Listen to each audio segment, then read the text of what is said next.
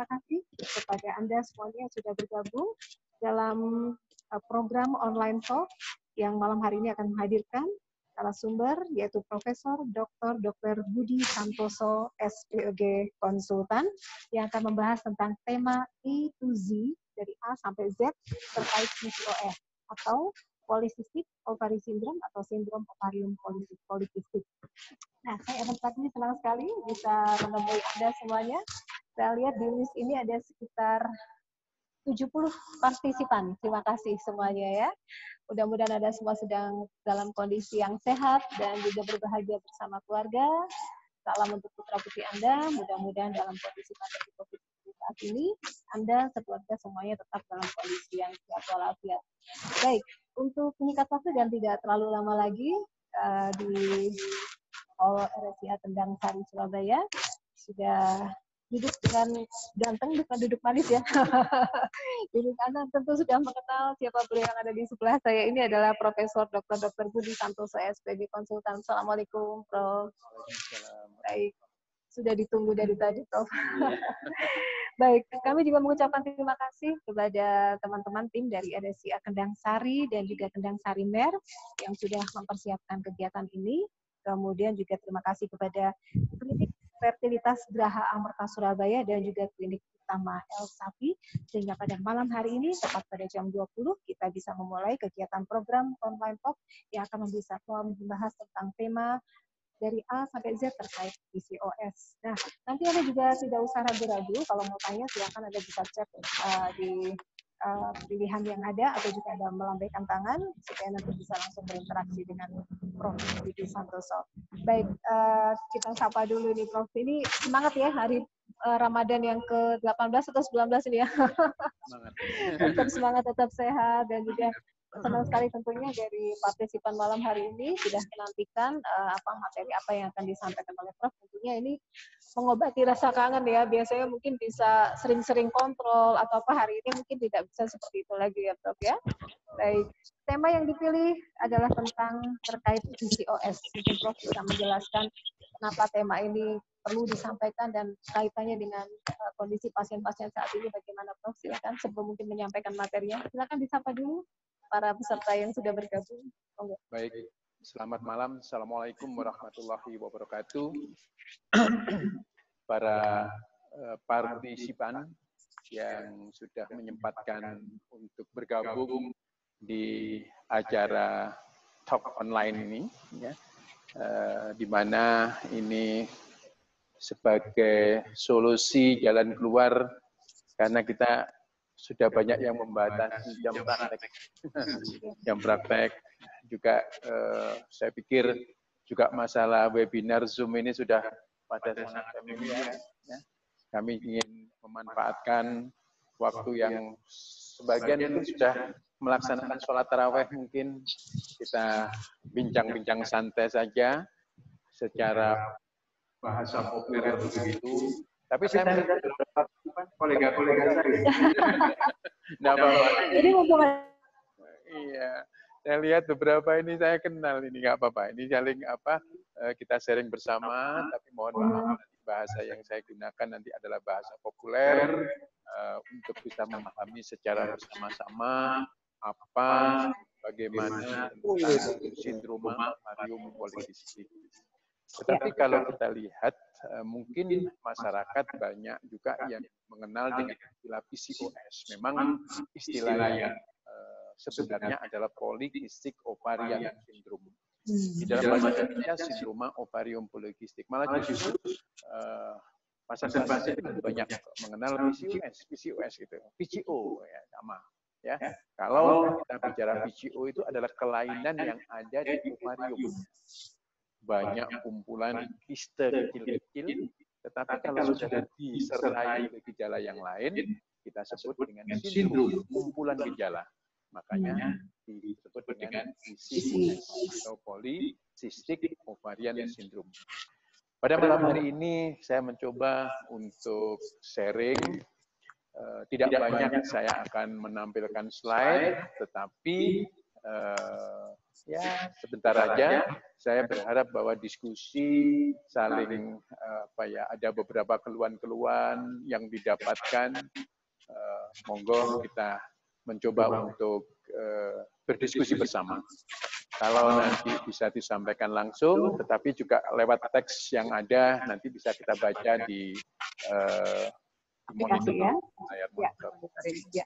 Baik, mungkin bisa ditampilkan dengan uh, slide share-nya.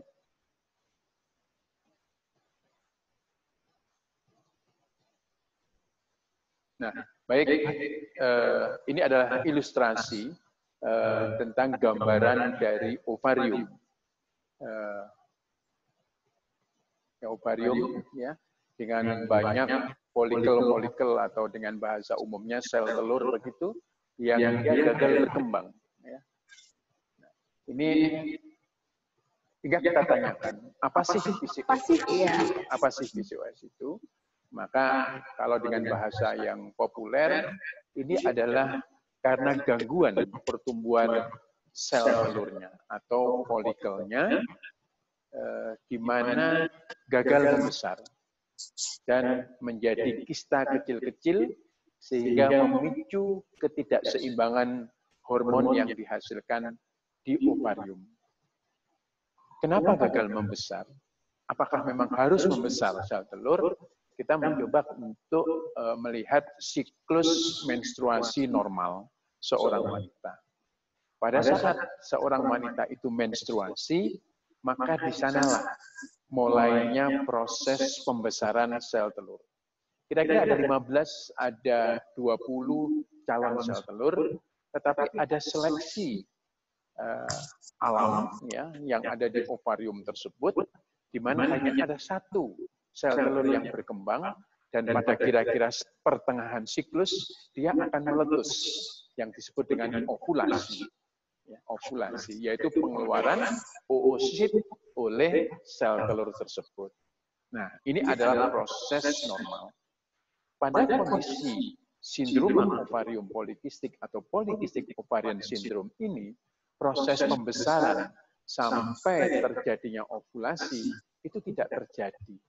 Sehingga sel telur tersebut hanya berhenti pada ukuran yang kecil-kecil.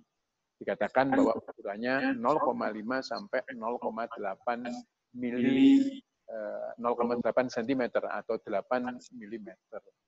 Dan setiap kali siklus dia bertambah, bertambah. Sehingga di dalam ovarium atau indung telur wanita penderita PCOS itu banyak folikel-folikel yang tidak berkembang. Ini yang disebut dengan uh, pol PCO karena banyak polikistik ovari, banyak uh, kiste kecil-kecil. Makanya namanya PCO. Kalau disertai dengan beberapa gejala sebagai akibat kelebihan hormon tersebut, maka menjadi sindrom. Makanya disebut dengan polikistik ovarian syndrome. Kita mencoba untuk menjelaskan di mana sih letak daripada ovarium itu. Sekedar mengingatkan, sekedar untuk ya bisa memahami bahwa sebenarnya eh, gambaran eh, ovarium itu ada di sebelah kiri kanan dari rahim. Kemudian di bagian atas itu yang kayak eh, apa condong begitu itu adalah yang disebut dengan saluran telur atau tuba fallopian. Tuba fallopian. Ada juga kiri kanan. Nah, karena dia gagal untuk ovulasi, maka tidak ada oosit yang dibuai oleh spermatozoon. Karena kegagalan ovulasi pula, umumnya keluhan yang sering disampaikan oleh para penderita PCOS ini adalah keterlambatan terjadinya kehamilan. Ini yang sering muncul keluhan-keluhan yang ada. Walaupun sebenarnya masalah PCOS ini bukan masalah gangguan kesuburan saja, tapi juga masalah gangguan menstruasi. Mungkin dia datang karena jerawatan, mungkin datang karena bulu-bulunya yang banyak. Kenapa keluar darah eh, keluar bulu-bulu yang banyak, nanti pada saatnya akan saya coba ceritakan uh, dengan uh, se sejelas mungkin gitu ya. Setelah slide berikutnya.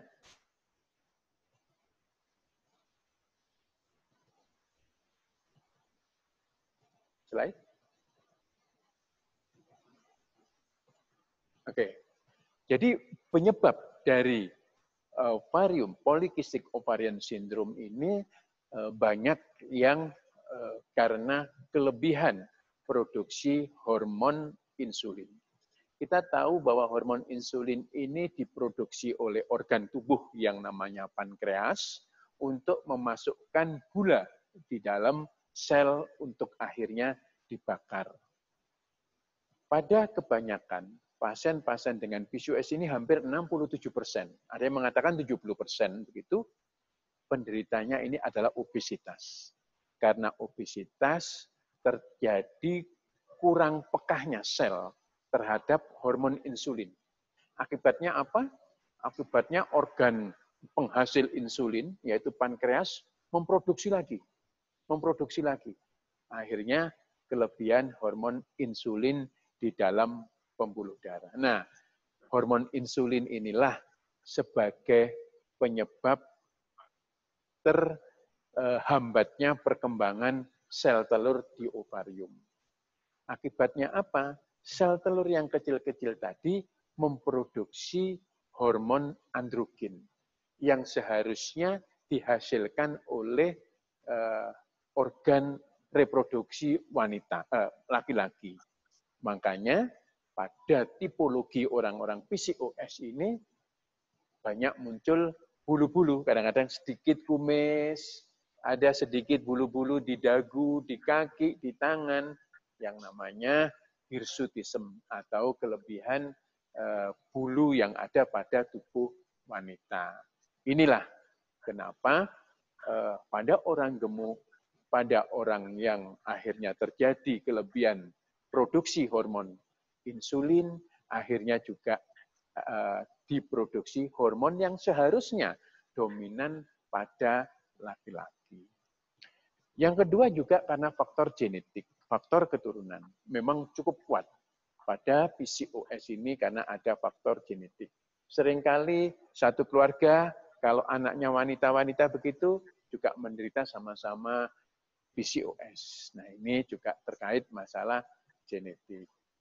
Nah, oleh karena itu kita mengenal di eh, klinik sehari-hari itu ada dua tipe. Ada tipe yang gemuk, pubis, dan tipe yang slim. Ini harus dipahami termasuk cara pengobatan nantinya. Slide. Nah, gejala yang sering muncul Pertama adalah gangguan menstruasi. Karena sel telur tidak sampai membesar, tidak sampai ovulasi dia kecil-kecil, ya akhirnya dia tidak menstruasi. Kadang-kadang menstruasinya mundur per uh, dua bulan sekali, per satu setengah bulan sekali. Bahkan mungkin lebih dari enam bulan tidak men. Dia tidak men kalau dia tidak diberi obat untuk merangsang menstruasi. Atau menstruasinya sedikit-sedikit belum sampai 21 hari bersih, dia menstruasi kembali. Siklus 21 hari. Jadi, pola gangguan menstruasinya dia bisa men dua bulan, tiga bulan, atau tidak menstruasi sama sekali, atau dalam satu bulan dia bisa menstruasi dua kali. Ini adalah khas untuk eh, PCOS. Yang kedua adalah karena hormon androgennya tinggi, testosteron tinggi, maka didapatkan yang saya sebutkan tadi, bulu-bulunya banyak, berjerawat, ya, bulunya banyak di kaki, di tangan, bahkan kadang-kadang ada ada kumis tipis kecil, eh, apa tipis-tipis kumisnya begitu ya. Nah, terus yang ketiga, nah ini ada gambaran ini, ada gambaran. Nah ini kumisnya tipis itu, kumisnya tipis, kemudian ada di dagunya ada sedikit brewok gitu ya. ya. Ini khas kalau uh, adanya hormon androgen atau hormon laki-laki yang uh, yang uh, berlebih.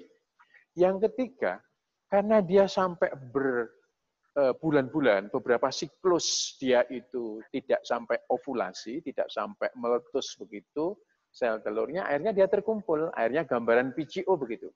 Nah, ini akan khas kalau di eh, USG yang lewat vagina atau transvaginal. Kalau lewat perut agak sulit, tetapi khas sekali gambarannya. Seperti eh, lingkaran roda pedati atau seperti kalung gitu ya. Nah, itu gambaran eh, dengan USG PCOS. Dan yang terakhir itu ada pada beberapa lipatan di leher, di ketiak, itu kehitaman. Yang disebut dengan di bahasa kedokteran akantosis nigrikan, nigrikan, nigro gitu ya. Jadi berwarna kehitaman itu. Nah ini eh, bisa tampak di, di, di lehernya ya, di leher. Itu tampak sekali orang-orang yang gemuk. Kadang-kadang ada di pelipatan eh, lehernya, ya, di ketiak, di bawah payudara, warna kehitaman itu adalah akantosis nigrikan. Itu menunjukkan bahwa uh, ada gangguan kepekaan insulin atau yang disebut dengan resistensi insulin. Slide. Ya. Nah, ini gambaran uh, apa uh, kehitaman di daerah leher, di daerah ketiak gitu. Kalau ada tanda-tanda ini ingat bahwa kemungkinan sudah ada gangguan kepekaan insulin atau resistensi insulin, harus dijaga makannya, harus banyak olahraga. Nanti akan hilang. ya Slide. Nah, bagaimana cara penegakan diagnosa? Saya sering kali ada beberapa pasien begitu eh, sudah bisa menduga sebelum pasien itu duduk gitu ya. Sebelum pasien itu mengeluh itu bisa duduk. Kenapa? Karena saya lihat orangnya gemuk. Saya lihat ada kumisnya sedikit-sedikit, ada sedikit apa uh, bulu-bulunya. Terus kemudian saya tanya, ibu headnya tidak teratur ya? Iya sering mundur dok. Kok tahu? Oh iya ya. Padahal itu sudah khas. Jadi cara betul, cara menegakkan diagnosanya itu gampang. Slide. Ya, slide. Nah, jadi tidak ada ovulasi. Dok, saya menstruasinya dua bulan sekali. Dok, saya menstruasinya baru men kalau dikasih obat itu sudah menunjukkan tidak ada ovulasi atau jarang ovulasi. Itu sudah satu. Ya. Yang kedua, ini gambaran PCO kita USG. Dan yang ketiga, adanya hiperandrogen atau kelebihan hormon eh, testosteron, hormon androgen, hormon laki-laki. Kalau kita mendapatkan dua dari ketiga ini, kita sudah bisa menegakkan bahwa pasien ini PCOS. Gampang sekali. Ibu-ibu bisa itu, mbak-mbak bisa. Oh ya, saya kemungkinan PCOS. Karena sudah bisa. Menstruasi saya kok jarang ya. Loh, saya kok berjerawatan. Hati-hati, kemungkinan PCOS. Kita tinggal melakukan USG aja. Kita USG, ada gambaran PCO, polikistik ovari, kita sudah bisa memastikan bahwa ini adalah eh, PCOS. ya Pengobatan. Pengobatannya itu tergantung keluhannya. Tapi untuk kasus malam ini, saya hanya akan membahas keluhan yang terkait dengan infertility. Sejujurnya, bahwa acara malam ini saya didesak oleh sahabat-sahabat di Instagram. mohon mohon to, apa eh, pencerahan masalah PCOS ya sudah itu ya. Nah, terkait dengan masalah infertility. Jadi begini. Pertama adalah perubahan gaya hidup karena hampir 70% orangnya gemuk, ya kita harus olahraga. Gitu. Harus olahraga. Perubahan gaya hidup. Yang selama ini mungkin setelah pagi hari bangunnya siang-siang atau setelah sholat subuh tidur lagi, jangan tidur. Cari sepatu, jalan cepat. Berapa lama? 45 menit. 45 menit. 45 menit. Itu akan sangat membantu.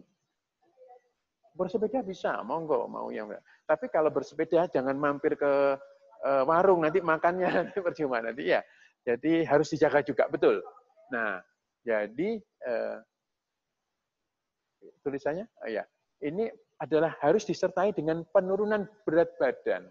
Penurunan berat badan. Dengan cara bagaimana kurangi karbohidrat. Dok, saya nggak makan nasi putih. Boleh saya nasi merah. Boleh. Boleh ma uh, makan nasi beras tami ya, yang dari India.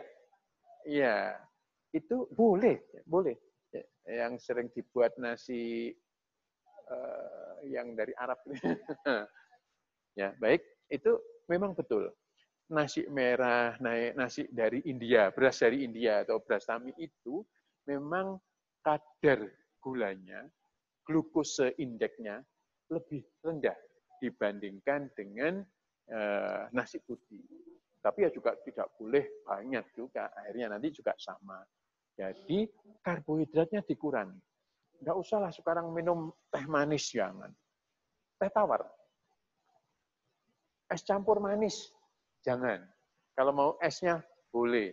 Tapi yang sirupnya enggak boleh. Nah ya, itu. Jadi gula dikurangi, nasi dikurangi. ya. Banyak apa? Banyak proteinnya, banyak sayurannya. Buah, cari buah yang tidak manis. Jangan nangka, jangan durian, jangan mangga, boleh tapi sedikit. Iya. Terus kemudian exercise ya, olahraga itu. Terus kemudian adalah kalau memang dia ingin punya anak, tentunya harus kita kasih obat-obat untuk stimulasi atau induksi ovulasi. Bisa ya, banyak pasien-pasiennya juga banyak kenal. Saya dikasih obat ini dok, oh boleh, boleh, boleh. Ya, nah tapi sekarang tidak hanya golongan klomifen sitrat saja, tapi letrozol. Ada kelebihan, ada kekurangan dibandingkan. Dan termasuk metformin. Metformin ini adalah obat yang digunakan untuk diabetes. Kadang-kadang kalau kita menjelaskan, itu harus berpanjang lebar awal-awalnya, tapi sekarang sudah tidak. Kita bisa menjelaskan, dok saya ingin punya anak, kok dikasih obat untuk diabetes. Metformin kan obat dari betul. Karena metformin ini memperbaiki kepekaan sel terhadap insulin seperti yang saya jelaskan di awal-awal tadi ya. Jadi tidak apa-apa, aman. Metformin obat anti diabetes yang aman, tidak menyebabkan sampai drop kadar gulanya tidak. Jadi boleh diminum malam hari juga boleh. Hanya saja bagi yang eh, sensitif itu biasanya mual, merangsang muntah. Proses penurunan berat badannya dengan metformin, olahraga, mengurangi gluko, mengurangi glukosa, gula, nasi, dan olahraga, lari, renang, bersepeda, itu akan cepat menurunkan berat badan. Dari beberapa penelitian dikatakan bahwa menurunkan berat badan 10% itu akan meningkatkan pengeluaran sel telur atau ovulasi. Artinya apa? Akhirnya orangnya bisa menjadi subur nanti. Beberapa pasien-pasien setelah kita kasih obat, kita kasih nasihat, rajin olahraga, mengurangi gula, mengurangi eh, eh, beras apa nasi, itu bisa hamil secara spontan ya. Makanya eh, kita harus merubah menjadi perubahan gaya hidup yang sehat ya. Bisa slide-nya? Ya betul, disiplin, disiplin, harus disiplin, harus tekadnya yang kuat.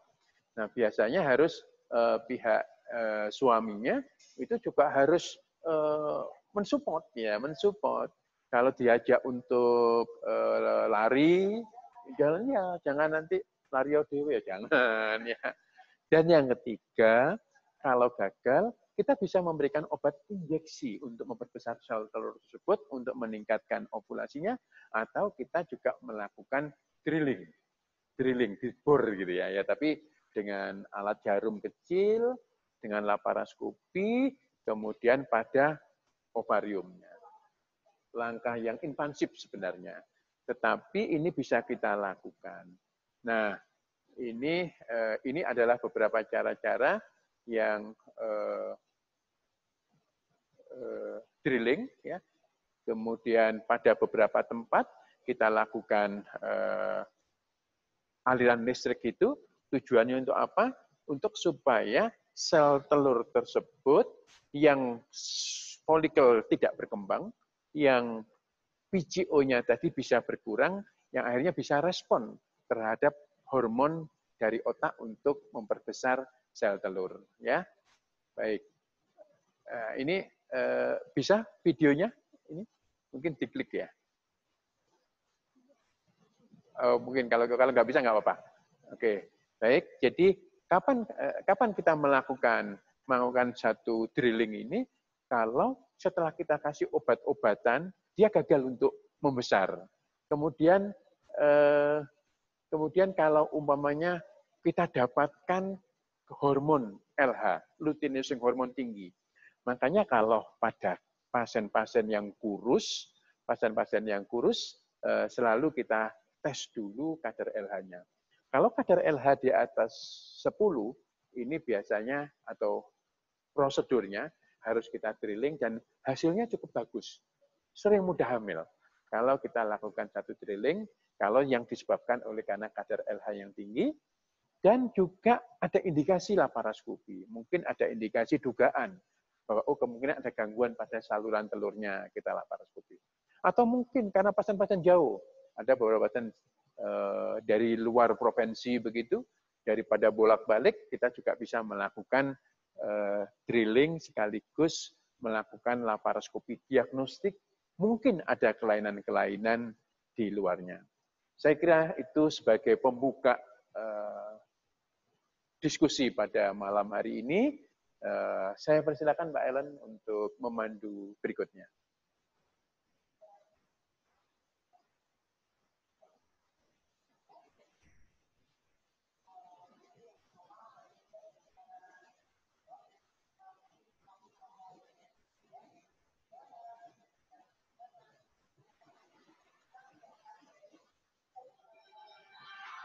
Diskusi tantangan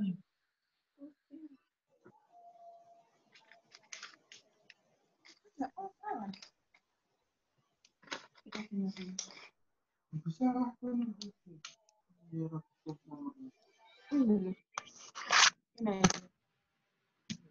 Selalu itu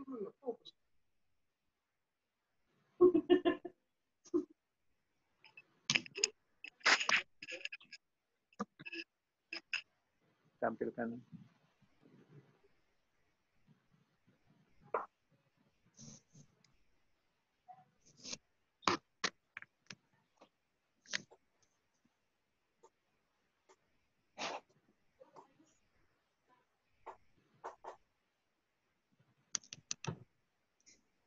maksimal.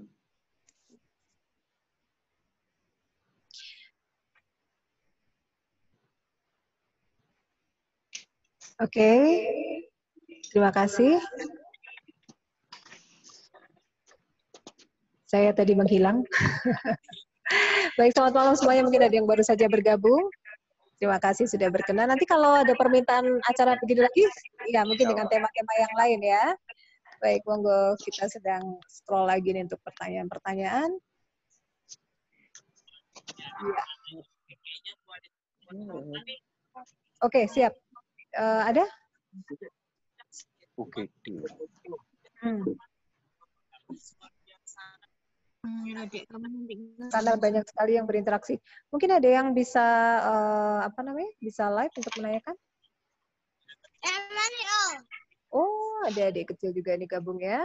Itu, Prof mau tanya apakah PCOS? Maaf, bisa ditanyakan lagi, Kak?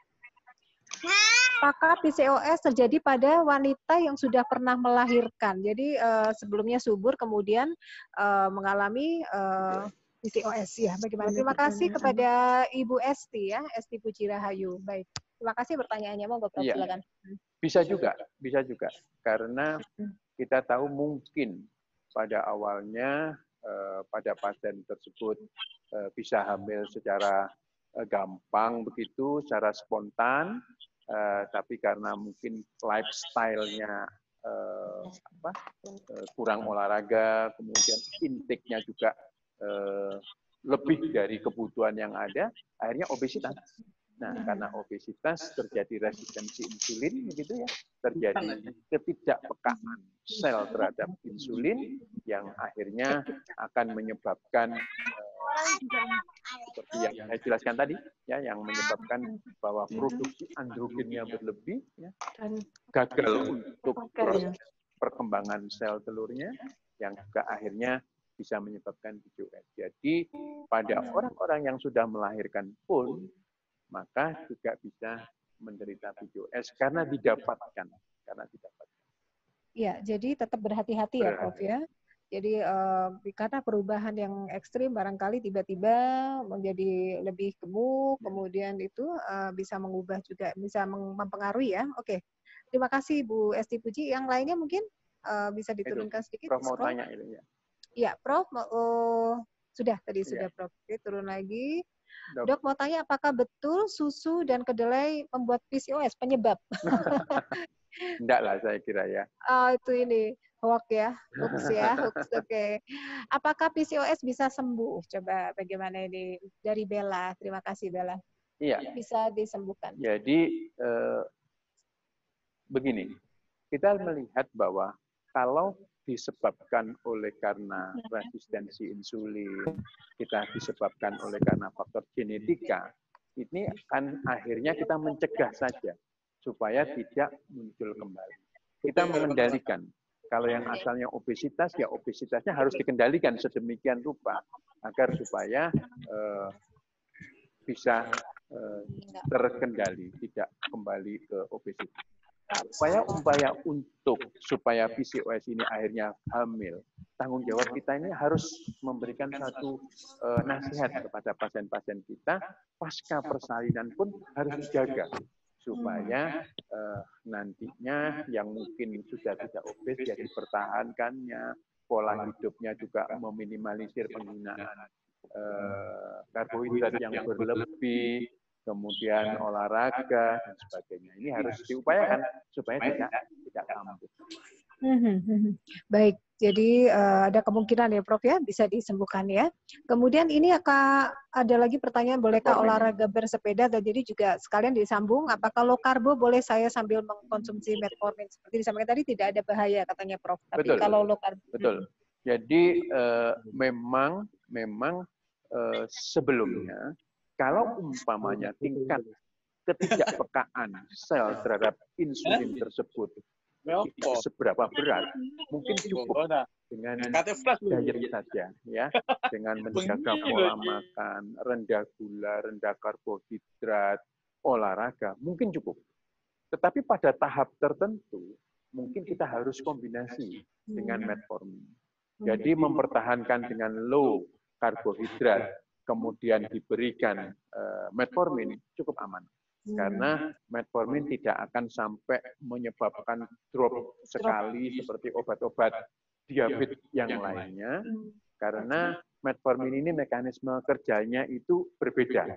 Hmm. Dia hanya meningkatkan supaya sel itu sensitif terhadap insulin. insulin. Tidak menyebabkan suatu gangguan yang uh, sampai terjadi uh, kadar gula yang drop yang membahayakan keselamatan dari para pasien. Aman, iya. cukup aman. Ini ada juga yang berkaitan dengan metformin. Prof, apakah inpasin selalu digunakan bersama metformin? Apa? Inpasin ya, inlasin? Inlasin. Inlasin, Oke. Okay. Jadi begini, uh, kalau inlasin itu adalah obat uh, herbal. Oh. Obat herbal yang sudah diteliti mempunyai efek sama dengan uh, seperti metformin, ya seperti metformin.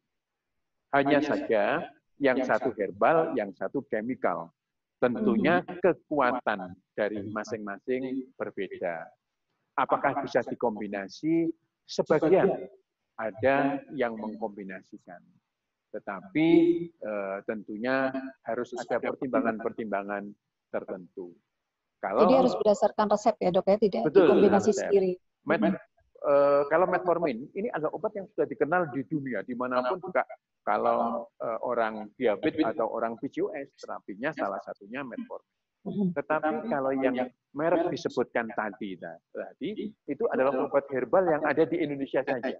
Oh. Sehingga kalaupun toh dikombinasi itu mungkin adanya di Indonesia. Kalau di luar negeri tidak ada. Tidak, Karena obat yang disebutkan tadi adalah obat yang ada di Indonesia. Hmm. Apakah boleh? Silakan konsultasi ke sejawat dokter yang ada. Mungkin dengan beberapa pertimbangan dokter uh, sejawat mem, uh, mempertimbangkan bahwa diperlukan kombinasi monggo. Tetapi uh, kalau secara prosedur internasional itu tidak ada karena salah obat yang disebutkan tadi adalah khas untuk di Indonesia. Wah, luar biasa ya. Baik, terima kasih untuk pertanyaannya. Berikutnya ini, kalau apakah telat menstruasi itu berarti sudah kena PCOS? Oh, belum. Belum. Ya? Jadi, orang telat menstruasi bisa hamil juga loh ya. Iya, malah justru kalau orang menstruasi yang berkeluarga loh ya, yang berkeluarga Eh, kalau dia itu uh, terlambat menstruasi, yang perlu kita pikirkan, apakah bukan kehamilan? Apakah hmm. bukan kehamilan? Terus kemudian, kalau umpamanya hanya murni terlambat menstruasi saja, tidak ada penambahan keluhan-keluhan seperti uh, jerawat, tidak ada keluhan pertumbuhan rambut, tanda-tanda yang lain, ya saya pikir ya bukan PCO. Hmm. Jadi PCOS itu salah satunya keterlambatan menstruasi. Dan tapi tidak, selalu. Ya, tapi tidak ya. selalu. Kita harus mencari eh, faktor-faktor uh, yang lainnya untuk menegakkan diagnosanya. Tadi ingat yang saya sebutkan tiga.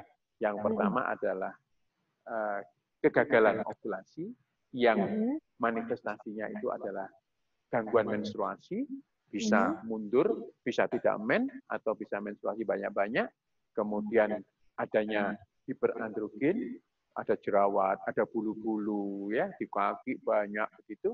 Dan yang ketiga kalau di USG ada PCO-nya, ada sel telur yang kecil-kecil nggak berkembang. Jadi kumpulan dari gejala ini kita bisa menegakkan PCOS.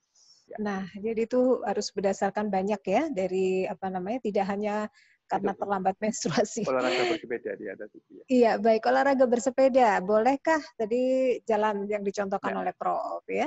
Boleh, hmm. bagus, bagus. Bersepeda bagus. Tapi ya seperti yang saya katakan tadi, jangan mampir di restoran atau di warung untuk makan. gitu ya. Jadi bagus bersepeda. Oke, kita ke pertanyaan berikutnya. Ya. Masih banyak lagi. Terima kasih. Ini semangat semua nih kayaknya peserta ya. Sudah itu deh. Oke, kita turunkan lagi. Ya, dok, saya didiagnosa PCOS dan suami di gosetero. Oligo.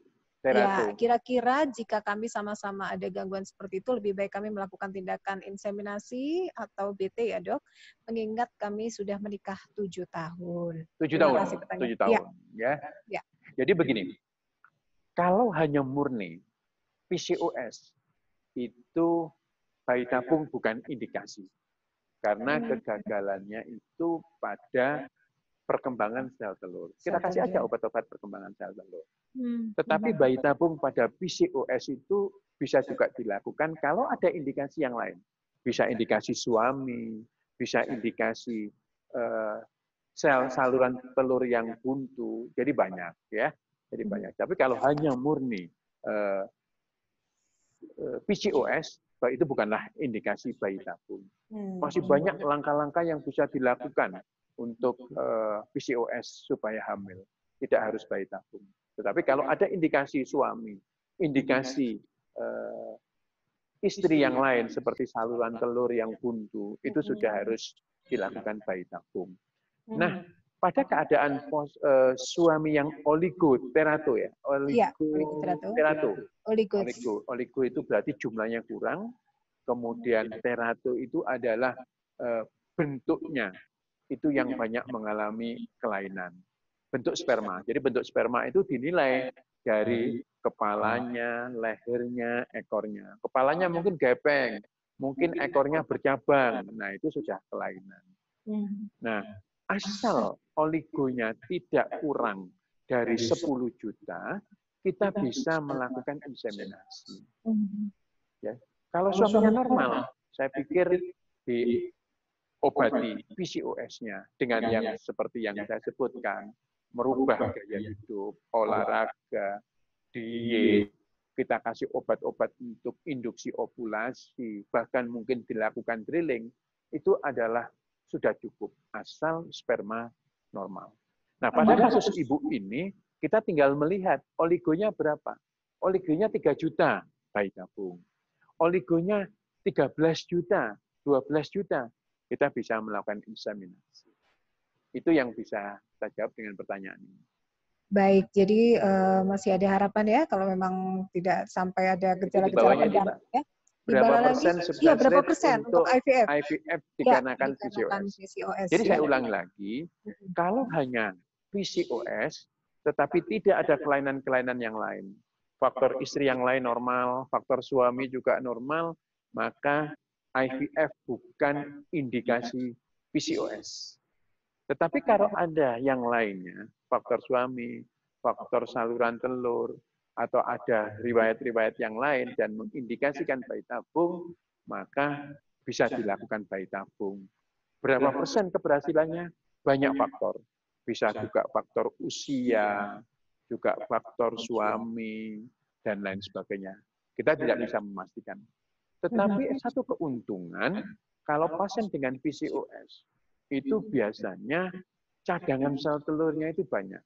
Jadi harus hati-hati kita caranya menstimulasi uh, pada bayi tabungnya. Nanti bisa terjadi kelebihan sel telur, akhirnya terjadi OHSS. Tapi para dokter sudah paham hal itu, nggak usah khawatir.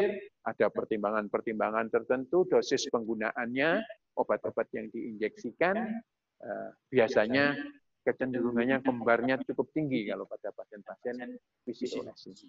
Karena Jadi sel telurnya banyak.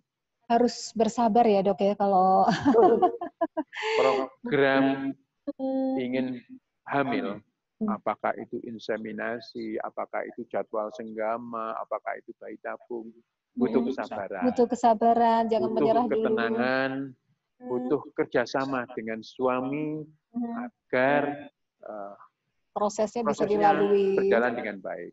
Hmm. Kalau seseorang pasangan suami istri itu saling menyalahkan, menjalani dengan suasana stres, tidak rileks, maka kualitas sel telur yang dihasilkan atau kualitas sperma yang dihasilkan juga kurang berpengaruh sekali ya, Prof. Ya?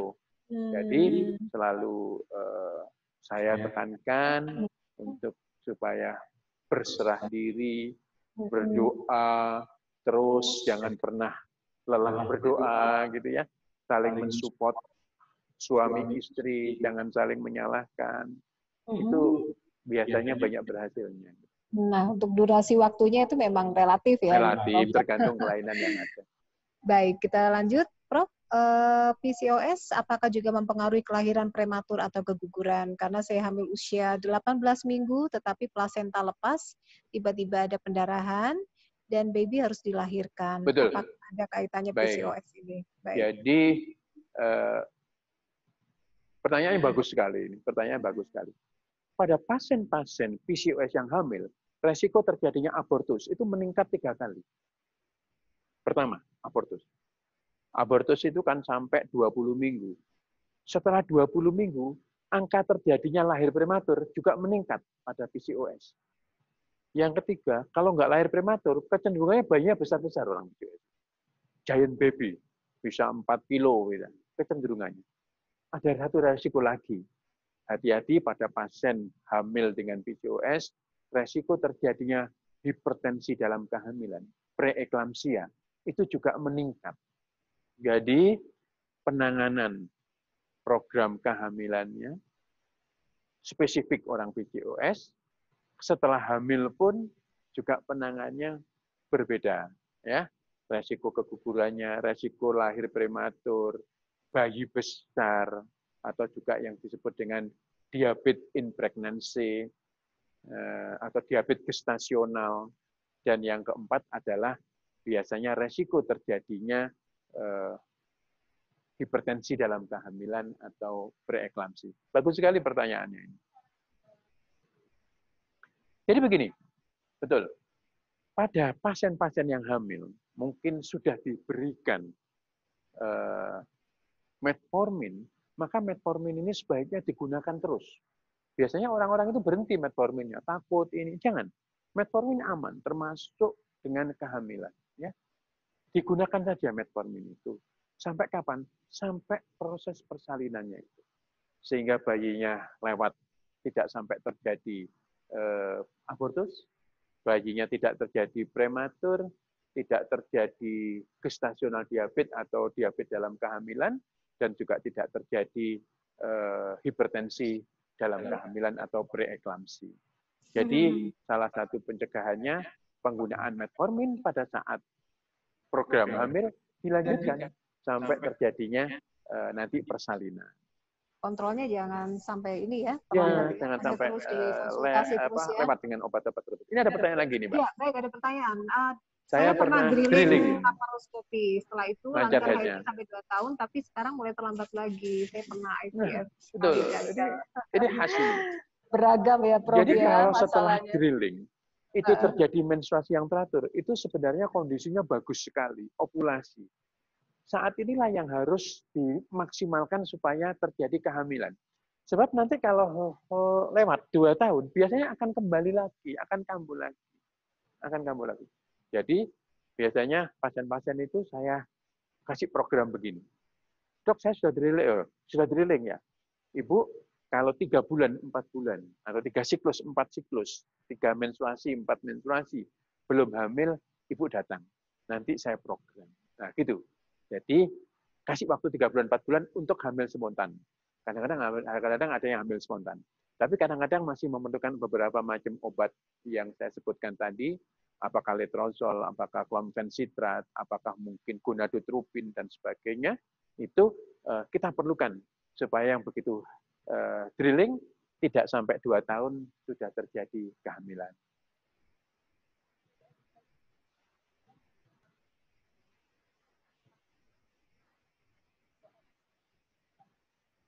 Eh, mungkin timbal balik ya. Kadang-kadang PCOS bisa menyebabkan stresnya ya. Karena mungkin jerawatnya, makanan obesitasnya dan sebagainya saling saling eh, berpengaruh, saling berpengaruh. Tetapi catatan saya kalau kita lihat mulai nona ya, mulai SMA tadi ya. Mulai SMA, mulai SMA itu sudah terjadi eh, pola head yang tidak teratur. Mungkin juga PCOS. Tapi harus kita periksa betul apakah ada tanda-tanda yang lain ya yang lain bisa bisa juga bisa juga oleh karena produksi prolaktin yang meningkat. Hormon yang memproduksi air susu itu meningkat. Itu juga bisa menyebabkan eh, menstruasi yang selalu mundur-mundur. Harus kita tes. Iya, iya, obatnya iya. gampang. Kita kasih obat. Bromokriptin tiba-tiba hamil tiba-tiba menstruasinya teratur ya. Mhm. jadi Oke. banyak penyebabnya Hmm. orang tidak haid ini, tapi memang salah satunya yang terbanyak adalah disebabkan karena PCOS. PCOS apakah ada korelasinya dengan endometriosis, Prof ini? Jarang ya. Oh, jarang Biasanya ya. mereka berdiri sendiri. Tetapi eh, ada satu dua kasus yang PCOS juga ada endometriosisnya. Tapi ini adalah sesuatu kejadian yang eh, berbeda, walaupun mungkin ada yang bersinggungan ada, tapi sangat-sangat jarang sekali. Iya, baik. Nah, ini memang eh, beragam ya pertanyaan kita Oh, ada ucapkan terima kasih tidak ada sekali. suaranya ya? Ada mungkin sudah Eh, mendengar ya? ada kok nggak ada suaranya itu ada ada tulisan coba baca Tadi ya pada jam 8.32 mungkin sekarang sudah Prof. Ini eh, ada pertanyaan berikutnya. Pernah promil dikasih obat hormon Profertil dan Ovacare yang biasanya haid 6 hari selesai dengan minum obat tersebut. Jadi haidnya 2-3 hari selesai, lebih cepat ini Prof. Bagaimana? ya Mhm. sebenarnya eh, menstruasi tiga hari dua hari empat hari itu tidak tidak begitu Nggak- bukan jadi ini ya, berpengaruh ya. Acuan ya. Eh, bukan itu acuannya.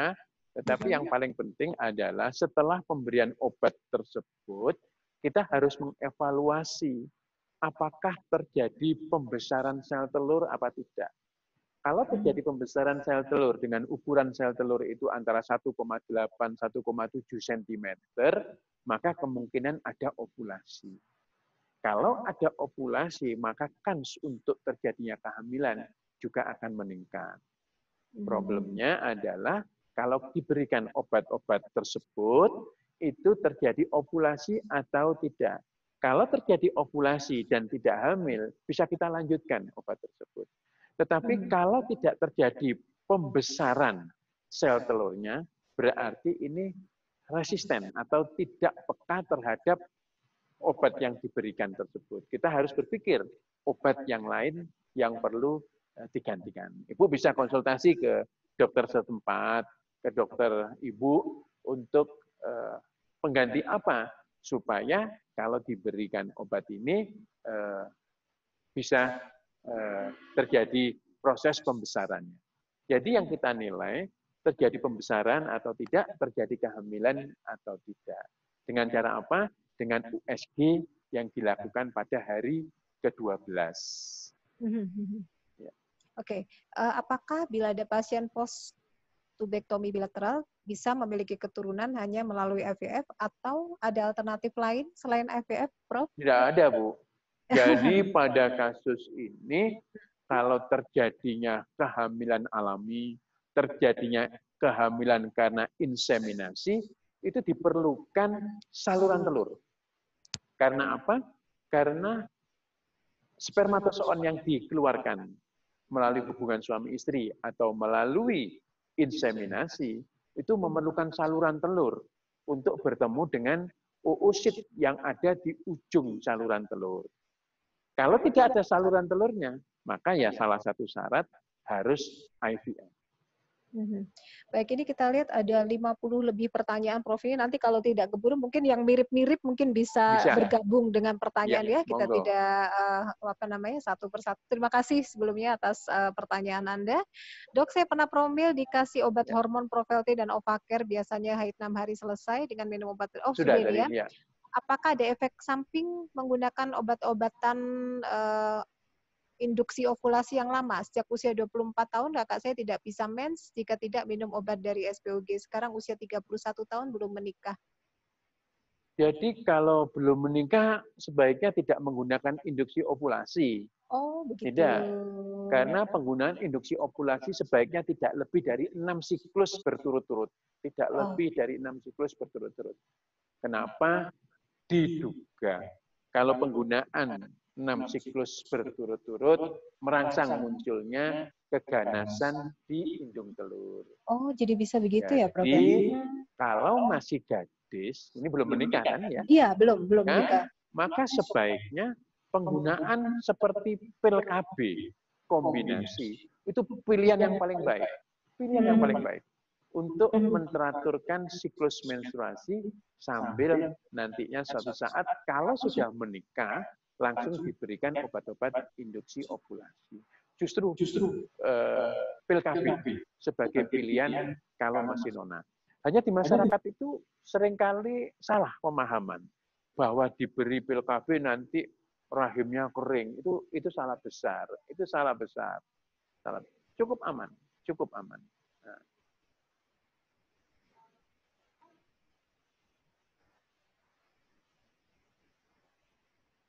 Gimana? Treatment. Baik, jadi kalau PCOS-nya kita lihat PCOS yang obes atau PCOS yang uh, slim, yang gemuk, ya. Yang pertama itu. Yang kedua harus kita lihat untuk pasien-pasien tersebut sudah diobati apa saja gitu. Jadi orang-orang PCOS ini biasanya sudah berganti-ganti. Uh, sudah keliling dokter ya. Jadi kita harus tahu pengobatan apa yang sudah diberikan supaya kita tidak mengulangi pengobatan-pengobatan yang dilakukan sebelumnya. Sedangkan untuk kasus spermanya harus kita lihat. Kita bisa memberikan obat antioksidan supaya terjadi perbaikan kualitas dari uh, spermatozoanya. Untuk PCOS apakah ada pantangan makanan? Tadi sempat dijelaskan. Ya, ya. ya tadi. Jadi ya. makanan yang berkalori tinggi dengan kadar gula yang tinggi, karbohidrat tinggi itu dihindari. Ya, diminimalisir. Olahraga, lifestyle-nya, minuman-minuman bersoda. Bersoda ya. Berkarborasi itu biasanya kadar gulanya tinggi. Pantangannya itu ya. Minuman zaman now ini bubble-bubble itu berapa? Oke, okay. suntik apakah dapat menyebabkan PCOS? KB suntik maksudnya dapat menyebabkan PCOS? Nah, KB suntik uh, bukan ya? Tidak ya. Jadi tidak ya. Tapi sama-sama bisa menyebabkan tidak menstruasi, tetapi mekanismenya berbeda. Mekanismenya berbeda. Prof, saya mau tanya berapa persen sukses rate untuk IVF dikarenakan PCOS jika dibandingkan dengan inseminasi? Gimana, Mbak? Nah, saya mau tanya berapa persen sukses rate untuk IVF karena PCOS ya. jika dibandingkan dengan melakukan Baik. inseminasi. Tadi saya saya Ya. jelaskan di awal Ya, tadi bahwa Mhm. sebenarnya kalau hanya murni PCOS itu bukan indikasi untuk IVF. Mungkin Hmm. ada faktor-faktor yang lain, faktor saluran telur, mungkin faktor eh, sperma, kualitas sperma itu bisa dilakukan IVF plus dengan eh, PCOS. PCOS de- kalau hanya murni PCOS dengan yang lain-lain bisa diatasi, maka kans untuk kehamilan cukup tinggi. Karena apa? Karena sel telur yang banyak tadi itu biasanya akan berkembang semua. Tapi harus hati-hati supaya tidak terjadi ovarian hiperstimulasi sindrom atau OHSS. Ini ada beberapa pertanyaan juga berkaitan dengan makanan, Prof. Dengan Ya. konsumsi ya. Ini saya rangkum saja sekalian. Gula pasir diganti dengan gula merah atau madu, apakah boleh? Kemudian pemberian vitamin E dosis tinggi, apakah berpengaruh dengan PCOS? Kemudian apabila orang tua punya diabetes, apakah kemungkinan istri atau wanita itu bisa kena Ya. PCOS? Uh, Pengganti gula. Ya. Gula putih, gula pasir diganti gula merah, ya sama-sama gulanya sama-sama, ya mungkin sama sedikit manis ya? sedikit perbedaan saja ya, Oh. sedikit perbedaan. Jadi kalau bisa tanpa gula. Pemanis Hmm. boleh, boleh, tetapi juga terlalu banyak ya, nggak Hmm, terlalu hmm. banyak ya. Ya, Nah, terus kemudian orang, kemudian orang tua orang yang tua, betul ini. Biasanya yang obesitas, yang resistensi insulin atau ketidakpekaan sel terhadap insulin itu biasanya bapak ibunya atau kedua-duanya atau salah satunya itu menderita diabetes ya. Jadi kalau sudah sejak awal tahu bahwa kedua orang tuanya diabetes, eh, kita harus menjaga, harus suka olahraga, harus menjaga pola makannya, harus seimbang antara olahraga dengan eh, aktivitas-aktivitas yang lainnya. Hidup sehat, lifestyle. ada asupan vitamin mungkin, Prof? Seperti Kalau vitamin vitamin D atau hanya E. mensupport aja, ya. Katanya Tetapi yang biar utama- ban- subur minum vitamin E. ya boleh-boleh aja lah, Boleh-boleh aja aja ya. itu untuk mensupportnya, ya. support ya. Eh, Oke, banyak apakah ada pertanyaannya ini ya. faktor usia mempengaruhi usia, Prof? Jadi sebenarnya kena PCOS ini sebenarnya dari usia berapa dari pengalaman Prof pasien-pasien ini? Apakah yang muda saja atau Bisa. sampai Jadi ada adolescent PCOS, Hmm. ada PCOS pada remaja. Nah, Oh. jadi kalau PCOS pada remaja, ini kita harus mempersiapkan eh, adik remaja ini supaya nanti saat dewasa, saat menikah, itu sudah keadaannya sudah tidak PCOS.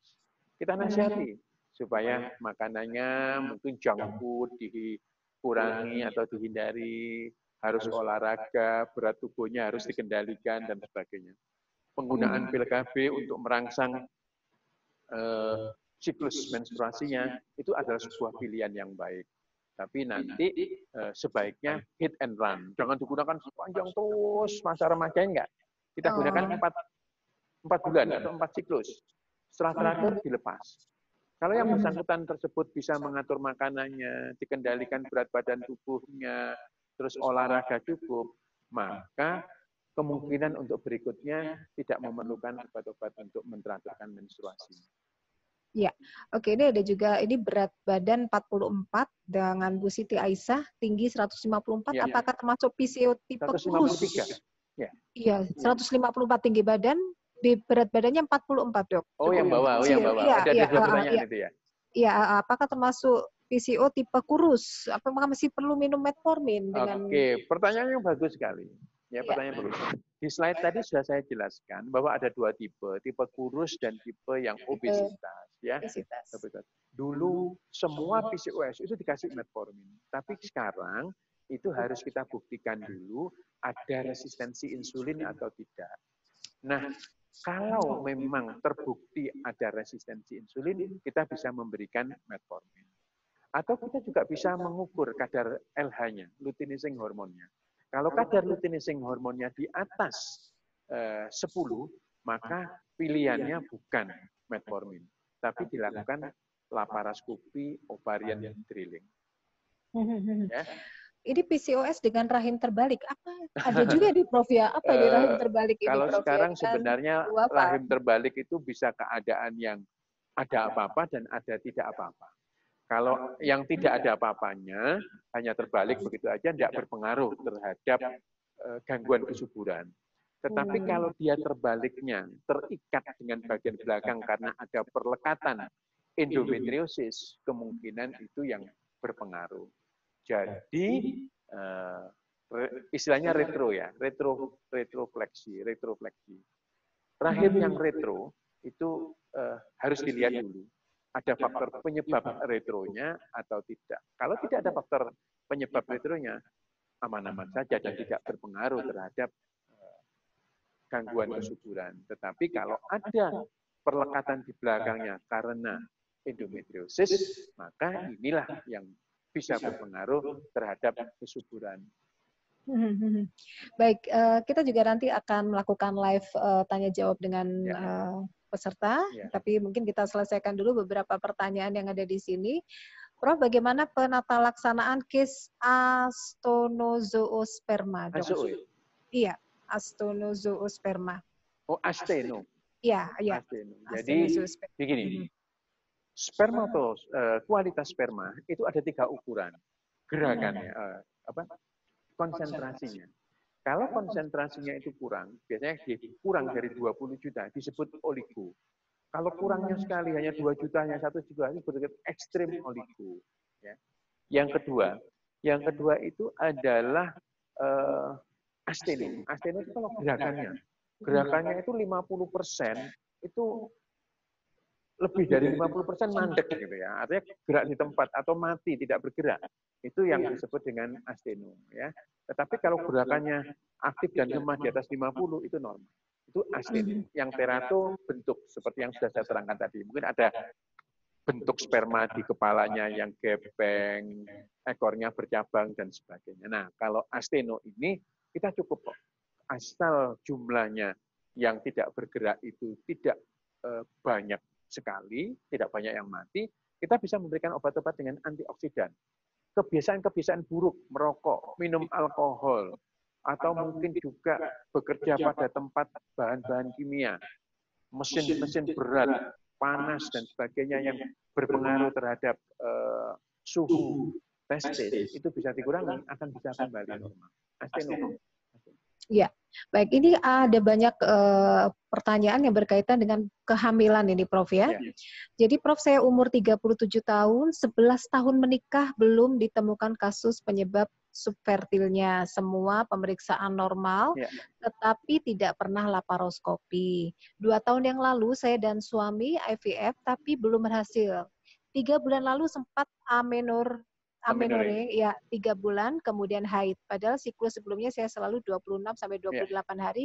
Kira-kira karena apa ya dok? Saat ini pingin promil lagi program apa yang sebaiknya harus diikuti oleh Ibu Fitri ya, ya ini? Terima kasih pertanyaannya. Jadi biasanya IVF itu kan final effort ya, usaha akhir ya, usaha akhir. Tapi tidak apa-apa. Ini usaha akhirnya sudah mentok Ibu jangan putus asa karena usia masih 37 tahun. Insya Allah masih mhm. ada peluang ya. Nanti akan uh, dicoba untuk mencari faktor-faktor penyebab yang lain. Jangan ya. putus asa. Mhm. Kadang-kadang setelah IVF gagal pun dengan metode-metode yang lain pun juga bisa uh, bisa berhasil ya. Ya. Mudah-mudahan Ibu masih mempunyai semangat untuk uh, mencari faktor-faktor penyebab ini uh, sehingga nantinya masih mempunyai satu peluang. Ya, nah saya uh, ingin juga mengingatkan bahwa nanti Anda juga bisa mengikuti kembali itu rekaman. Ada yang sedih itu, pertanyaannya tidak dibaca. Iya, kelewat mungkin ditulis ulang. Ditulis ulang mungkin nanti kita akan bacakan di yeah. scroll yang terbawah ya bisa di copy paste lagi ya. Mohon maaf karena terlewat itu Mbak, Mbak Desi. Ya. Mbak Desi. Iya, Desi Puspitasari. Terima kasih ya. Jangan sedih Mbak. Ayo kita santai saja di sini ya. Mohon maaf karena banyak oh, pertanyaan maaf, ini. Banyak pertanyaan ya. Nanti juga Anda bisa saksikan di tayangan YouTube-nya. Okay. Jadi ada siaran ulang di RSI Akendang Sari ya. Bisa Anda ikuti kembali untuk tayangannya malam hari ini. Baik, kita ucapkan terima kasih ya Prof. Semangat sekali nih. Udah malam nih kayaknya tetap kita harus on air terus nih ya untuk ya. menjawab pertanyaan-pertanyaan. Dok, saya sudah, oh ini sudah ya. Um, enam tahun ini sudah ya. Saya enam tahun menikah ini, sampai sekarang belum dikasih keturunan. Iya. Oh, iya. ASG dan tes sperma normal semua dikasih hormon hormon proverti dan ovaker sel telur berkembang dengan baik. Lalu tindakan apa yang harus saya lakukan dok? Agak bingung mau program normal, nggak program ya udah enam tahun belum dikasih keturunan. Jadi gimana nih? Iya, iya. Iya, iya. Jadi pada Hasil waktu HSG dan tes sperma normal semua. Normal iya. semuanya, ya.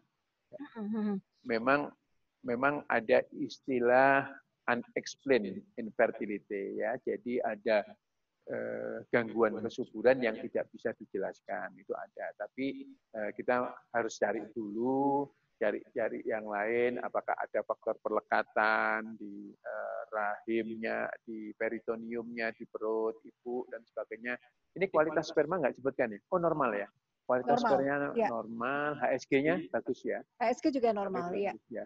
Mungkin Hmm. pada kasus ini salah satu opsi yang bisa ditawarkan tentunya mungkin laparoskopi ya karena juga eh, sudah usia menikahnya enam tahun usianya Mhm. berapa nggak disebutkan ya? Tidak disebutkan Nggak usianya, disebutkan. iya. Kalau usianya eh, kurang dari 35 eh, mungkin laparoskopi sebagai pilihannya.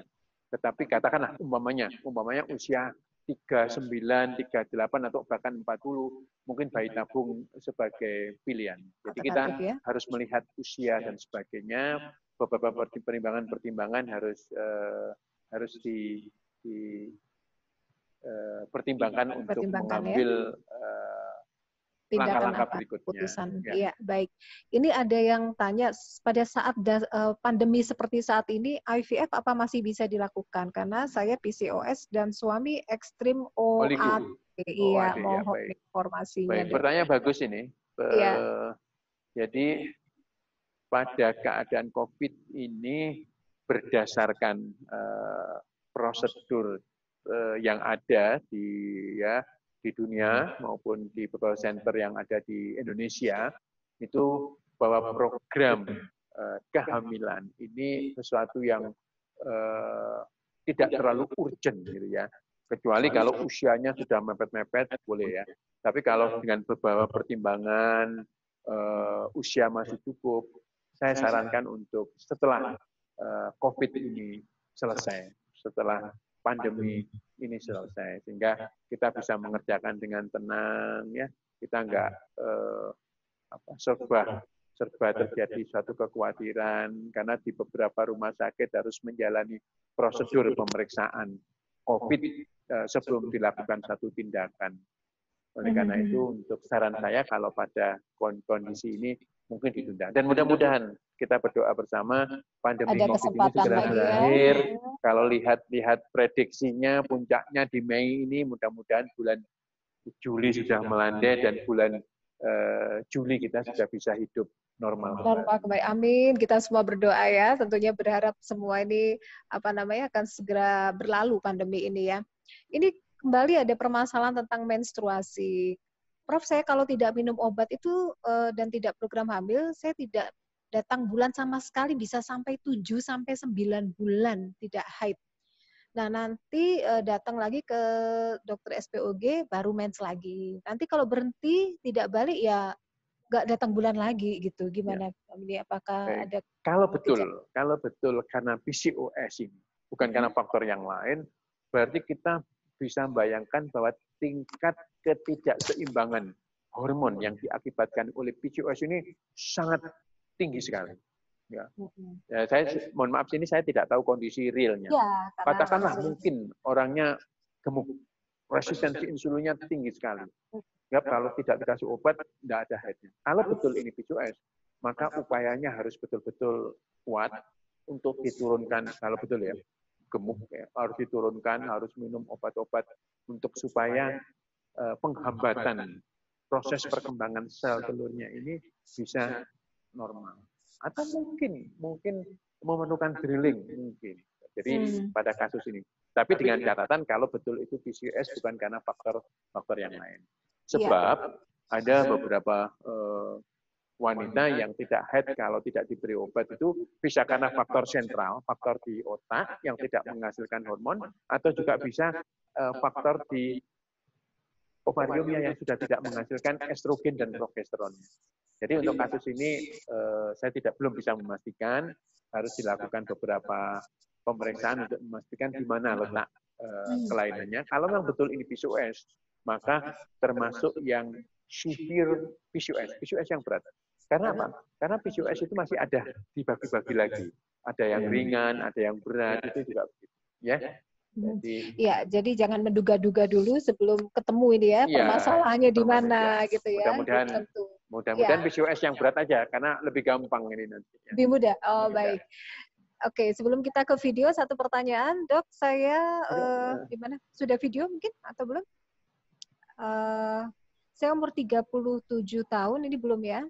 Eh, 11 tahun menikah belum ditemukan kasus. Ini sudah ya berarti ya. Eh, Prof, apakah PCOS bisa hilang dan muncul? Ini tadi pernah ditanyakan oleh ibu yang pertama tadi. Kalau sudah Kalau- pernah melahirkan, pernah eh, Kalau eh, ketidakseimbangan hormon tersebut bisa terkontrol dengan baik, ya maka dia akan eh, apa, akan baik. Ya. Tetapi hmm, kalau memang nanti terjadi eh, kegemukan lagi begitu ya, akhirnya bisa kambuh lagi. Jadi memang tidak bisa sembuh secara total, tapi yang Mhm. bisa kita lakukan adalah mengendalikan. mengendalikan. mengendalikan Dan itu harus disadari bahwa itu yang dilakukan. Ya. Iya, iya, Ya. supaya kita lebih aware, jadi nggak merasa uh, berat begitu ya. Melanjutkan pertanyaan rahim terbalik tadi, Prof. Ya. Apakah pengecekan dengan transvaginal bisa diketahui adanya pelekatan Bisa, endometriosis? bisa. Dengan Nah, transvaginal. Langkah apa yang dilakukan Ya. ketika mau promil? Itu bisa ya Bisa, berarti ya?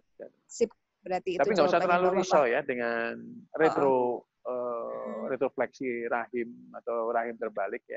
Selama tidak ada faktor-faktor penyebab Hmm. eh, yang dia menyebabkan terbalik seperti perlekatan karena endometriosisnya, perlekatan oleh karena infeksi, insya Allah tidak Mhm. berpengaruh terhadap eh, kesuburan. Iya. Ini ada yang juga lagi sedih. Saya ingin konsul ke dokter kandungan, tapi situasi lagi pandemi nih, Prof. Saya eh, apa namanya tidak haid sudah satu tahun lebih. Ya. tapi bisa ya kalau konsul seperti ini gimana, Prof? Ya, Eh, secara umum bisa lah. ya, Artinya, eh, eh, ya kita mungkin eh, ada beberapa hal yang perlu ditanyakan. Monggo kalau mau di Instagram saya nanti saya jawab mhm, DM. Boleh begitu ya. Jadi kita jawab, sekarang ya, banyak monggo, banyak jalur ya. Banyak jalan menuju Roma. Nggak apa-apa. Mungkin karena per- Baik. perlu data yang lain ya. Perlu data yang Betul. lain. Jadi eh, perlu pertanyaan-pertanyaan yang lain dari Yang agak panjang itu. selamat malam, Top. Ya, selamat malam Prof. Saya nanti jangan lupa bertanya. kalau Anda ingin eh, live, silakan ada raise Ya, hand ya, silakan. bisa sebelumnya tangan. kita dulukan ini ya. Selamat malam Prof. Saya mau tanya, usia saya haid pertama 13 tahun dan siklusnya memang panjang di 35 hari tapi rutin. Setelah menikah siklusnya siklusnya berantakan. Kadang-kadang bisa telat sampai dua bulan. Saya tidak jerawatan parah, tidak banyak tumbuh bulu. Saat haid juga normal tujuh hari, tidak sakit. Usia saya 27, menikah satu setengah tahun. Apakah bisa dikatakan kasus saya karena hormonal? Mohon advice-nya. Eh, Ibu tinggal datang aja ke SPOG untuk Mhm. ditransvaginal. Kalau gambaran eh, ovariumnya itu adalah gambaran PCO, ya kita bisa menegakkan diagnosa PCOS. Dan pengobatan seperti yang saya katakan tadi, Ibu bisa merubah lifestyle, bisa olahraga. Berat badannya berapa ini Bu? Ya nggak disebutkan ya? Iya, tidak Berat badannya disebutkan. nggak disebutkan ya. Iya. Monggo nanti eh, itu bisa Ibu pastikan dulu apakah ini PCOS atau bukan. Kalau Hmm. PCOS ya lifestyle-nya dirubah, Ibu olahraga, eh, karbohidratnya dikurangi, Ibu bisa minum obat-obat untuk induksi ovulasi untuk supaya terjadinya kehamilan. Ini belum belum ambil ya? Iya, ada yang bertanya mungkin silakan ada raise hand, ada tombol raise hand-nya nanti bisa eh, langsung tanya video dengan Prof. Mungkin yang tanya langsung.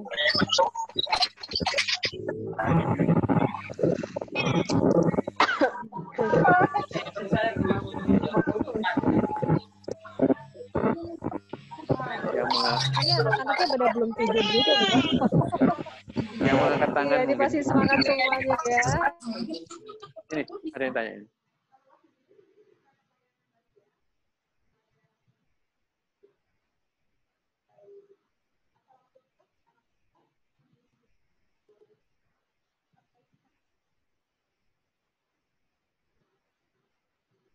Iya. Betul.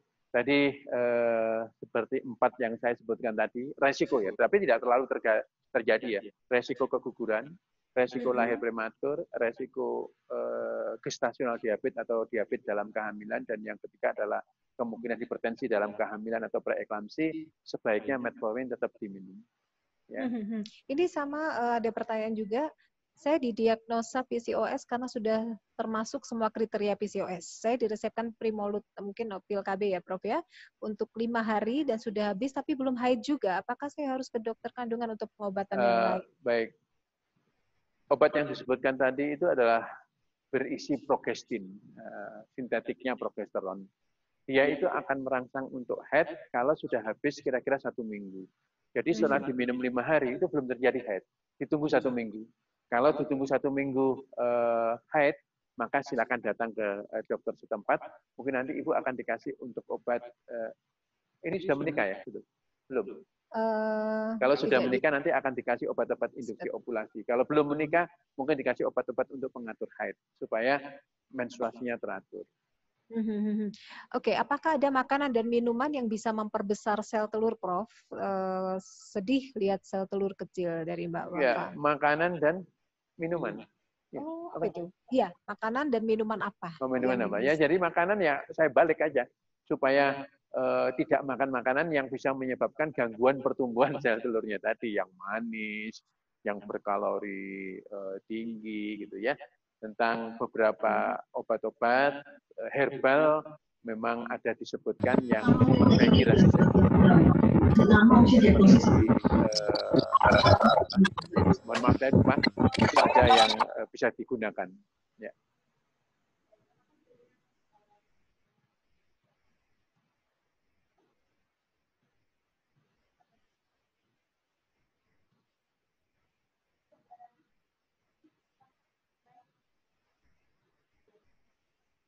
Ya.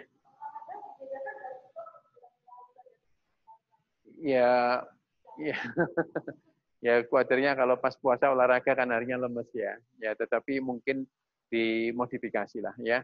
Kalau jalan pagi ya eh, jalan pagi yang jalan cepat saya pikir masih memungkinkan. Kalau mau sore tetapi dengan suasana pandemi ini kan agak tidak memungkinkan ya. Nah tetapi kalau ibu punya treadmill di rumah bisa memanfaatkan treadmill tersebut setelah sholat raweh barang 30 menit, saya pikir itu sudah sangat bagus sekali untuk mengendalikan berat badan, untuk menurunkan berat badan akan sangat baik sekali.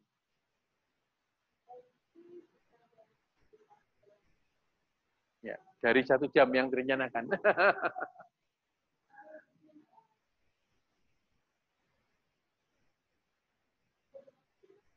ya, baik, kita tambah lima menit lagi ya. Ini sudah semua ya, pertanyaan sudah ya.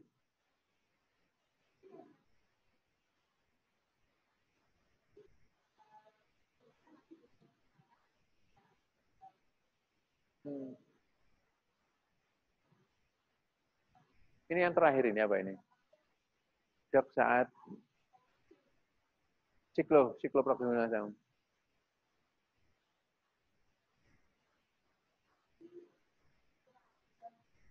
Hmm.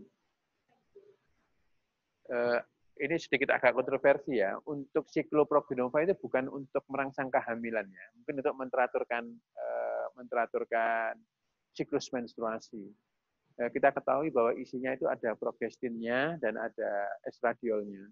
Nah, ini yang juga bisa kadang-kadang kalau sensitif juga bisa menyebabkan karena uh, proges, golongan progestinnya mungkin ada kadar androgennya sedikit sehingga muncul gitu. Tapi nggak usah khawatir ini. Dihentikan akan hilang kok.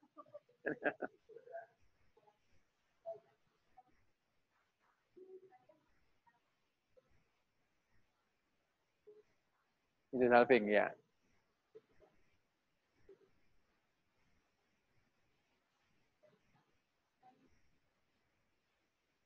Ya, eh, kejadian yang eh, berbeda antara PCOS dengan hidrosalping itu kan proses pembuntuan di ujung tuba fallopian atau di ujung saluran telur sehingga eh, cairan yang dihasilkan oleh saluran telur itu tidak bisa keluar. Dia terbendung di dalam saluran uh, tuba fallopian tersebut. Akibatnya apa? Akibatnya tuba fallopiannya berisi cairan. Makanya hidro, hidro itu air, salping itu tuba fallopian. Tuba fallopiannya berisi cairan. Nah, kondisi ini yang sebenarnya tidak bagus sebagai transport untuk uh, spermatozoa menuju ke ujung saluran telur. walaupun sudah dibetulkan. Sekarang adalah tergantung dari diameter dari hidrosalpingnya. Kalau diameternya melebihi dari satu senti, biasanya kualitas saluran telurnya sudah uh, tidak bagus. Tetapi kalau uh, diameter dari hidrosalpingnya masih kurang dari satu sentimeter dan dibetulkan, mudah-mudahan membaik. Iya. Oke, ini ada sedikit uh, terakhir ya mungkin ya pertanyaan. Ya. Intinya kalau uh, obesitas itu harus kontrol berat badan dulu ya, Prof. Baru setelah itu mengatur haid. Jadi berat badannya dikontrol dulu, ya. baru itu awalnya seperti itu ya, Prof. Ya? Gimana, Pak? Uh, kalau obesitas, ya. jadi ada seorang obesitas itu kontrol berat badan dulu, baru setelah itu pengaturan haidnya. Atau bersama-sama penurunan Baik. Berat badan atau haidnya yang didahulukan untuk pengontrolan haid untuk segera hamil atau tidak ini harus kita bedakan. Oh betul. Jadi ya, kalau ya, ya. Uh, umpamanya ini ada dua. Jadi kalau berat badannya dengan body mass index, jadi diukur berat badannya berapa. Kalau body mass index berat badan dibagi tinggi badan dalam meter kuadrat, itu hasilnya di atas 35, sebaiknya diturunkan dulu berat badannya. Kecuali kalau body mass index-nya itu antar kurang dari 35, itu diturunkan berat badannya sambil dikasih obat-obat untuk bisa bersama-sama uh, merangsang untuk hamil itu bisa. Tapi kalau hanya untuk sekedar menstruasinya teratur, seperti pada nona-nona, sambil jalan aja, diturunkan berat badannya, sambil terus uh, uh, dikasih obat-obat untuk pengatur haidnya. Iya. Saya pikir itu. Baik kita sangat uh, terima kasih sekali bahwa mungkin kita tidak bisa membacakan semua pertanyaan, tetapi mungkin ada yang bisa mewakili pertanyaannya mungkin mirip-mirip ya Prof ya, ya. berkaitan ya. dengan uh, konsumsi apa, kemudian apa yang harus dilakukan, rata-rata uh, mungkin itu pertanyaannya ya. Nanti kalau ada pertanyaan lagi bisa disampaikan ke mana ke IG-nya Prof ya ada ya? ya, ya. bisa dilanjutkan kembali mungkin nanti edisi berikutnya, mungkin PCOS seri kedua gitu ya, mungkin ada bisa lanjutkan kembali pertanyaannya nanti kita akan buat lagi lagi. Nah, silakan kalau mungkin masih ada pertanyaan yang belum terjawab bisa lewat IG dari Profesor Dr. Dr. Budi Santoso SPOG Konsultan lalu juga di IG-nya Kendang Sari, RSIA Kendang Sari atau juga Kendang Sari Mer, insya Allah nanti akan disampaikan. Baik, terima kasih uh, untuk semuanya. Mungkin ada pesan-pesan ini Prof untuk uh, sekedar membuat uh, para partisipan di sini merasa tetap dekat dengan Prof, kemudian juga tetap bisa menjaga kesehatannya walaupun tidak bisa ketemu setiap saat seperti dulu ya Prof ya, ya sering-sering ngobrol dan terutama yang berkaitan dengan PCOS ini. Baik. Apakah nggak uh, boleh sedih gitu atau apalah gitu Prof bisa menenangkan ya, baik. Jadi ya. uh, PCOS ini uh, perjalanan panjang gitu ya.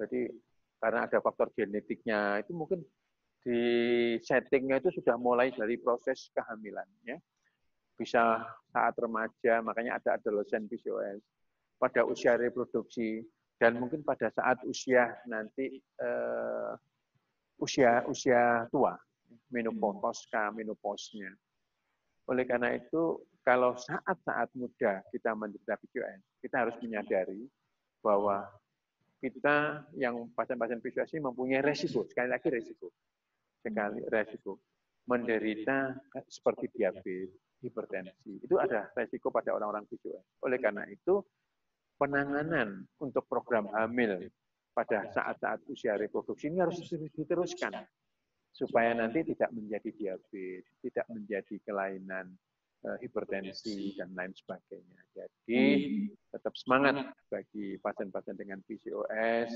Insya Allah masih diberi uh, kesempatan ya. Kesempatan untuk hamil kalau memang itu menjadi problem sekarang. Tapi intinya seperti yang dikatakan Mbak Ellen tadi, harus mempunyai semangat yang tinggi, disiplin yang tinggi untuk mengendalikan PCOS ini supaya hidup sehat, kalau keinginan untuk hamil itu nanti uh, bisa terpenuhi dengan kedisiplinan dan uh, semangat untuk terus mengendalikan supaya ketidakseimbangan hormon ini bisa menjadi seimbang. Ya, mewakili dari semua uh, partisipan, banyak yang mengucapkan terima kasih Prof atas apa yang sudah disampaikan, bisa menjadi uh, menambah ilmu bagi para partisipan dan juga insya Allah menjadi ladang amal katanya Prof. Amin. amin, amin, amin. Karena ini juga konsultasi yang mungkin uh, online ini lebih mudah pada saat ini dan uh, yang ini lah yang bisa kita lakukan pada saat pandemi Covid dan kita berharap semua partisipan di sini tetap sehat amin, beserta amin. seluruh keluarga di sekitar tetap menjaga kesehatan sampai dengan wabah ini berlalu. Nah, untuk Anda yang uh, menunaikan ibadah puasa di bulan Ramadan ini juga kami ucapkan selamat melanjutkan ibadah puasa Anda ya Prof ya. Semoga ya. tetap lancar sampai dengan kita bisa berlebaran walaupun walaupun lebaran dalam kondisi pandemi. situasi pandemi. Jadi kita dikasih keistimewaan yang yang hidup di tahun 2020 ini kita mengalami uh, bulan puasa dan juga lebaran dalam situasi seperti ini tapi semuanya adalah hikmah ada hikmahnya pasti ada berkah yang uh, mungkin nanti akan bisa kita rasakan mungkin suatu saat bahwa kita lebih aware ke kebersihan ya sekarang Prof ya. Jadi ajarkan mungkin di keluarga Anda tetap cuci tangan. Ada pesan-pesan mungkin Prof untuk selama pandemi ini cuci tangan jangan ya, bosan-bosan kemudian pakai masker nih karena kita distancing ya, jadi saya tidak pakai masker. Baik, insya Allah kalau ada masukan-masukan kami tunggu ya, eh, bisa ke Instagram dari Prof. Budi Santoso langsung atau juga lewat Instagram dari eh, RSIA Kendang Sari atau Kendang Sari Mer.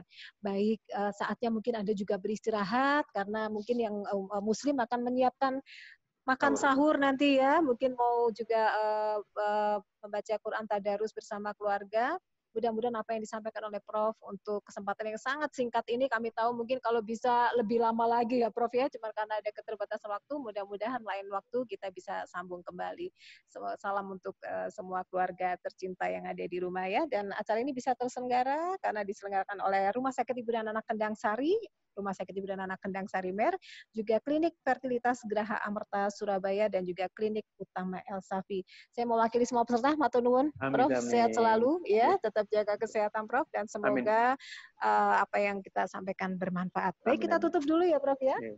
Baik ya, untuk semuanya selamat malam dan uh, insya Allah kita akan berjumpa kembali di lain kesempatan. Terima kasih kepada tim dari RSI Kendang Sari yang sudah mempersiapkan. Bila taufik wal hidayah, saya Ellen Pratwi menutup acara. Assalamualaikum warahmatullahi wabarakatuh. Waalaikumsalam. Selamat malam, selamat beristirahat semuanya.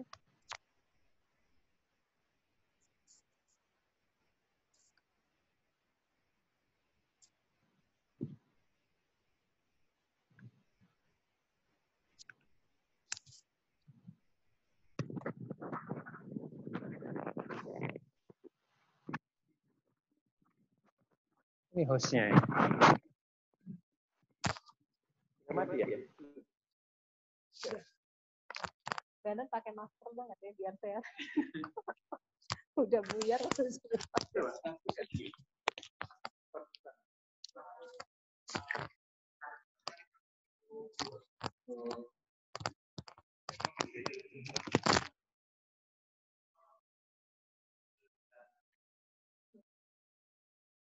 Ada sudah, Mbak?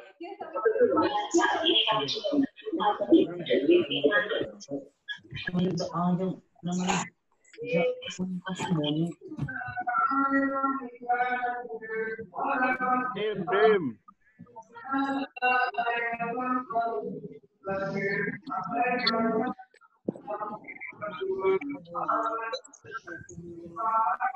Krishna.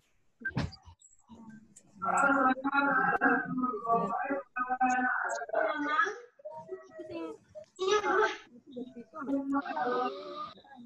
aku chat sama sini dulu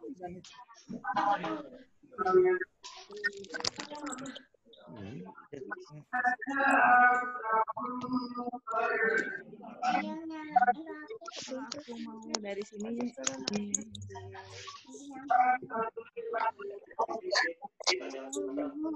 Oke. Okay.